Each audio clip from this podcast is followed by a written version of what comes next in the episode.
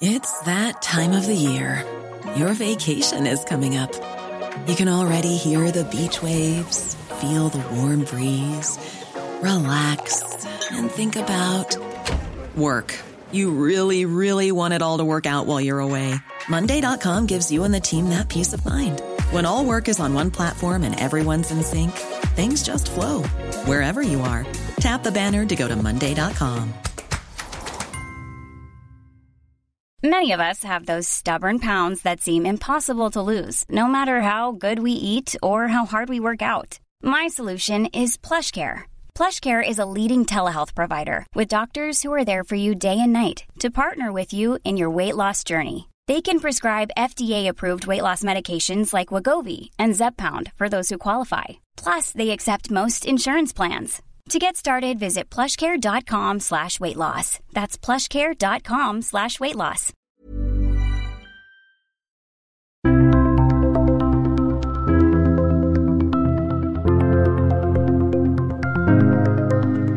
Oljeeventyret på norsk sokkel startet med internasjonale giganter.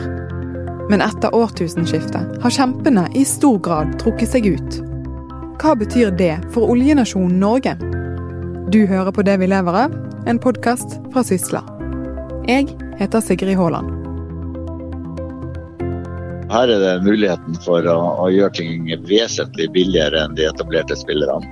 Det var tanken bak oljeselskapet Okea, som ble startet i 2015. De hadde lagt merke til at det var de etablerte, store aktørene som bygget ut og driftet felt. Det forteller en av gründerne, Erik Haugane. Og vi så jo ut fra vår erfaring at uh, her er jo ingen som går løs på sånne utbyggingsoppgaver med å bruke enkle løsninger, faste eh, prosedyrer, ikke noe spesifikke, selskapsspesifikke løsninger osv. Nylig overtok de feltet Draugen fra Shell. Og Okea har nå planer om å forlenge levetiden på feltet. Shell har brukt 25 år på å produsere 90% av reservene i Draugen, nesten en milliard fat. Og så skal vi bruke 25 år til på å ta de siste 10% De har overtatt rundt 150 ansatte fra Shell. Og Haugane sier det vil bli noen endringer når man går fra en oljekjempe til et mindre selskap. Men eh, vi oppfatter uh, og opplever uh, bare positive reaksjoner fra, fra ansatte. Og at de tror, gir uttrykk for at det blir spennende og artig tid framover. Okea er et av mange mindre selskaper som har kommet på banen på norsk sokkel etter årtusenskiftet. Så hva har dette å si for oljenæringen? Med meg nå er journalist i Sysla, Ola Myrseth, og Lars Helle, sjefredaktør i Aftenbladet. Velkommen. Takk for det. Takk for det. Ola, hvis vi begynner med å gå helt tilbake til starten av oljeeventyret på norsk sokkel, så var det et utenlandsk selskap som fant den første oljen? Det er jo en historie som det er litt sånn misoppfatninger rundt. Og, og, det er jo en gjengs oppfatning at det var Philips Petroleum som fant den første olja. At det skjedde i 1969, da Ekofisk ble funnet. Men eh, sannheten er at den aller første oljefunnet det ble gjort i 1967 av Esso, som jo er en annen av gigantene som har vært eh, på norsk sokkel opp gjennom årene. Og da fant de Balder, som eh, var faktisk lisens nummer én som var gitt ut på norsk sokkel. Men det funnet var ikke så stort, og, ble først bygd ut i 1999, faktisk. Og Derfor er, det, jo rett å si at uh, Ekofisk-funnet av Philips Petroleum var på en måte det som markerer den kommersielle starten på, på oljeeventyret. og det, det kom jo i produksjon i 1971. Det vi kan føye til der, det er jo at for ConocoPhillips, eller Philips Petroleum som den gangen, så betyr det at de skal ha 50-årsjubileum i år for, for det funnet. Uh, og Det er for øvrig også et av de selskapene som fortsatt uh, er, i, uh, er, i, Stavanger, er i Norge, er store og har satsa på Norge mer eller mindre hele veien.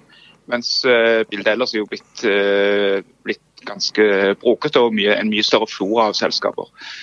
På den tiden, alle de første 20 årene av oljevirksomheten, så var det liksom de tre-fire store operatørselskapene som betydde noe. Det var uh, Philips, det var Statoil etter hvert. Uh, Mobil, som jo hadde Statfjord før, før Statoil uh, tok over. Esso og Shell. Kjente store selskaper. Og så var det en god del selskaper som leverte tjenester innen boring, catering og brønnservice og sånn. Men, men det var et helt annet bilde, selskapsflora, den gangen enn det er blitt nå. I de første tiårene av oljehistorien vår så var det altså kjempene som dominerte. Men så begynte dette å endre seg for en tid tilbake. Det var rundt årtusenskiftet det skjedde, begynte å skje en endring. Og, jeg kan illustrere det med tall. og det var at I, i 99 så var det tolv operatører på norsk sokkel. Men ved årsskiftet i fjor, altså 2017 2018, så var det 27 operatørselskaper og totalt 43 aktive selskaper på norsk sokkel. Så det har jo vært en rivende utvikling på de eh, drøyt 15 årene, da. Det er nok flere grunner til det, men en veldig sentral eh, del av det er den såkalte leterefusjonsordningen som eh, ble innført i 2005. Og, og Baktanken med den var at du skulle sikre lik behandling av selskaper som var i og utenfor skatteposisjon. Det vil si at mens det tidligere bare var sånn at selskaper som hadde inntekter og dermed betalte skatt, kunne skrive av leteutgiftene, så gikk man over til at du kunne få de refundert uansett. Eh, og på den måten så skulle mindre selskaper motiveres til å lete uten at eh, den økonomiske risikoen ble for stort. Og det, det har vært et veldig sentralt eh, virkemiddel som har hatt ønska effekt for å få mindre og, og nye aktører inn. Sånn at i 2005 så var det 32 aktører på norsk sokkel. Og to år senere, i 2007, var det 49. Så det vet ikke om alt kan tilskrives leterefusjonsordningen, men det sier jo litt om at det skjedde mye på de årene. Ja, så har det vært en hel haug med fusjoner og utskillelser og sånn blant de store selskapene. Eh, jeg nevnte jo Conoco Phillips i 2002. Du har eh, Elf var et stort selskap i Stavanger eh, på, på, som bl.a. drev Frigg-feltet på 70-80-tallet. Det er jo, det er jo senere Elf, Total Fina og senere Total som nå er i ferd med å trappe ned. Men, men altså selskapsbildet er helt annerledes. At, og Det har òg ført til at uh, det har åpna seg muligheter for andre uh, å komme inn, i tillegg til de politiske beslutningene som, som selvfølgelig er hovedgrunnen Men du, du nevner uh, noen som faktisk forsvinner. Altså, Hva er grunnen til at noen av disse virkelig store trekker seg ut av norsk sokkel? Det, det, har vel òg med politikk å gjøre, Ola, har det ikke det? At, de, de, bruker i alle fall dette som en vekkstang mot myndighet, myndighetene. At, uh, at uh, vilkårene ikke er gode nok eller forutsigbare nok. Selv om Norge først og fremst er kjent for å være et for, forutsigbart land. og det, At dette har gjort at mange har funnet seg i bl.a. Den, den høye skattebyrden. Uh, og så har de funnet en del andre, andre mer interessante områder i verden. Og så er det politiske konjunkturer rundt, rundt dette her. For så er det jo en del for f.eks. Eh, tyske selskaper som eh, orienterer seg i retning helt andre typer energityper enn olje og gass. Mm. Det som Lars sier, at det, det, det kan ikke være noen tvil om at de store selskapene som selger seg ut og, og selger seg ned på norsk sokkel, det, de gjør jo det fordi de mener det er mindre attraktivt her enn, enn det var før. Det betyr ikke at de mener at det var dårlig, men at de mener det er bedre muligheter andre steder nå. Og For konkurransen på norsk sokkel så kan jo dette òg være negativt. og Det har jo på en måte vært disiplinerende for Equinor å ha store internasjonale konkurrenter på norsk sokkel som måtte konkurrere i samme vektklasse. Og Det er jo noe konsernsjef Eldar Sætre òg har gitt uttrykk for sjøl.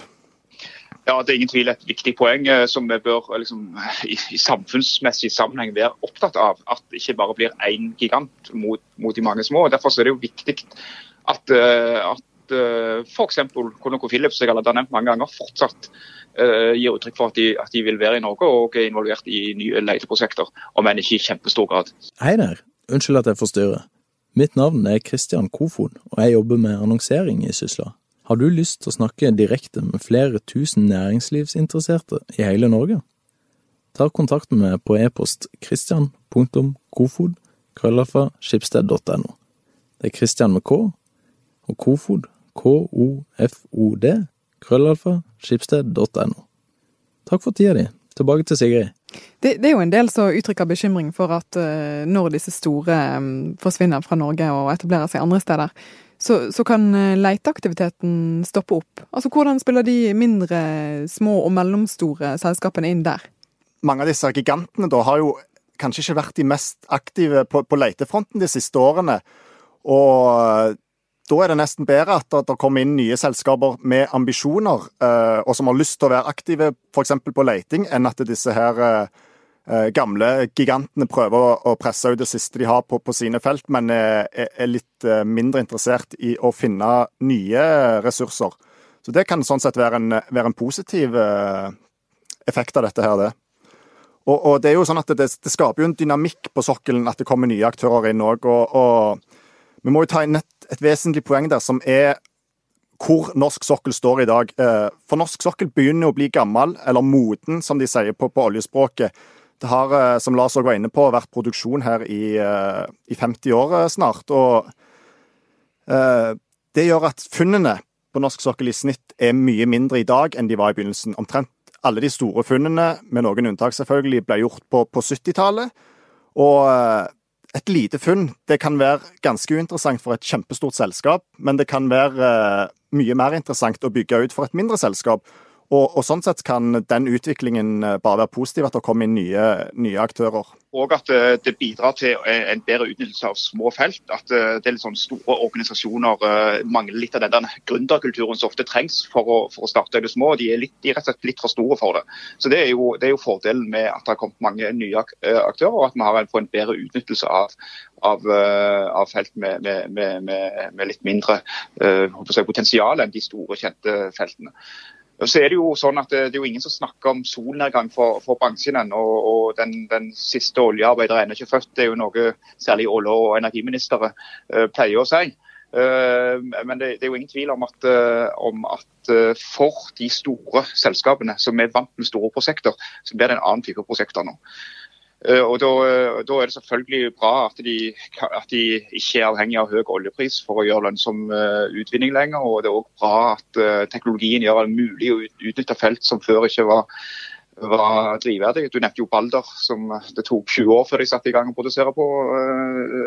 og litt sånne ting. Men, men det, det, er både positive og negative effekter av det styrkeforholdet vi får mellom de, de små og store selskapene nå. Så må jeg bare, bare gjenta det at det er jo veldig positivt at selskaper vil satse. F.eks. så har du nå nye Vår Energi, som er et resultat av eh, flere fusjoner, men som på en måte stammer bl.a. fra, fra ConocoPhillips, som eh, Nei, fra Exxon Mobil, som solgte sine egenopererte eh, virksomhet på, på norsk sokkel til et selskap som heter Point Resources, og som igjen er, er fusjonert inn i dette nye Vår Energi sammen med en i Norge. da.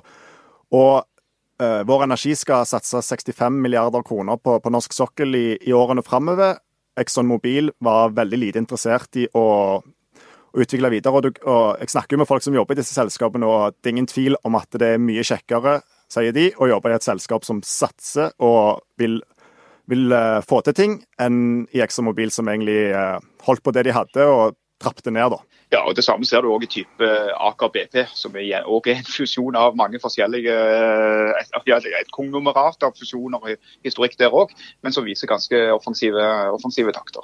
Hva har det å si for leverandørene at det er flere mindre selskaper? Nei, for, for, eh, for leverandørene er jo aktivitet og nye funn er jo alfa og omega. For at leverandørene skal arbeide, så må det, eh, må det bygges nye felt. og og da er det igjen dette her med at uh, selskaper som satser, finner og bygger ut, er mye bedre enn uh, selskaper som holder på det gamle, og som uh, på en måte prøver å fase ut. Og så for de så er det vil jeg si at det er en positiv utvikling hvis, hvis disse selskapene finner nye ressurser og, og, vil bygge de ut. Og det er vi jo eller Norsk sokkel er jo veldig avhengig av det nå. Vi er i en situasjon hvor vi har to spesielt veldig store utbygginger på gang, som heter Johan Sverdrup og Johan Castberg, som mange kjenner. Men etter disse utbyggingene, som begge skal være ferdig i 2022, så er det ingen store utbygginger på norsk sokkel i køen. Og det kan jo få dramatiske følger for, for leverandørnæringen, som da vil, eh, er helt avhengig av nye utbygginger for å kunne holde eh, volumene oppe som de er i dag. Da. Vi, har jo sett under den oljekrisen som hvert fall er i ferd med å gå over nå for de fleste, at eh, det er dramatisk når det ikke er arbeid. Det får store konsekvenser for, eh, for hele Norge. Ja, jeg har sett et norgeskart hvor de plotter inn steder i Norge som har, som har hatt arbeid, hvor det har gitt arbeidsplasser å levere til, til Castberg og Sverdrup-utbyggingene.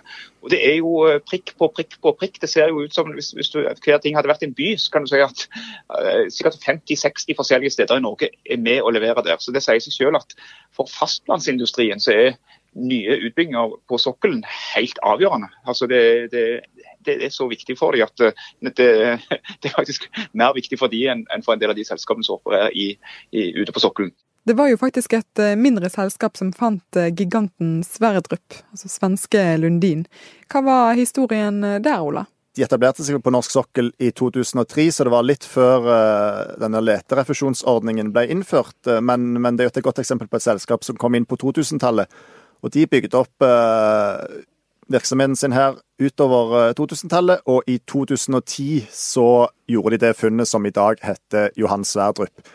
Eh, som er et av de fem største funnene som noen gang er gjort på norsk sokkel, og som er på en måte det, det som har redda norsk sokkel på mange måter, og som virkelig har gjort at eh, man har kommet seg gjennom den oljekrisen som var, og, og som skal, det skal være produksjon der i 50, minst 50 år framover. Og det er et gigantisk felt. og skal ikke si at de fant det pga. leterefusjonsordningen og pga. de endringene som ble gjort, men det er heller ikke sikkert at det, det ikke var derfor.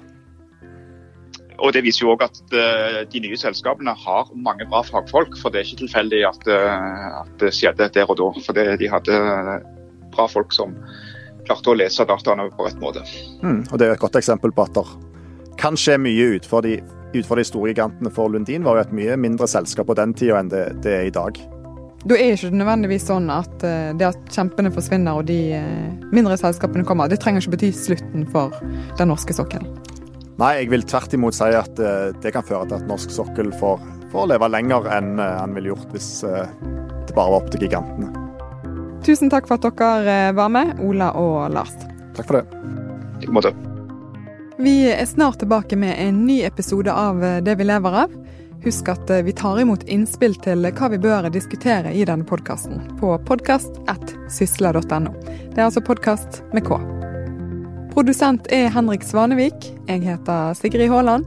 Tusen takk for at du hørte på.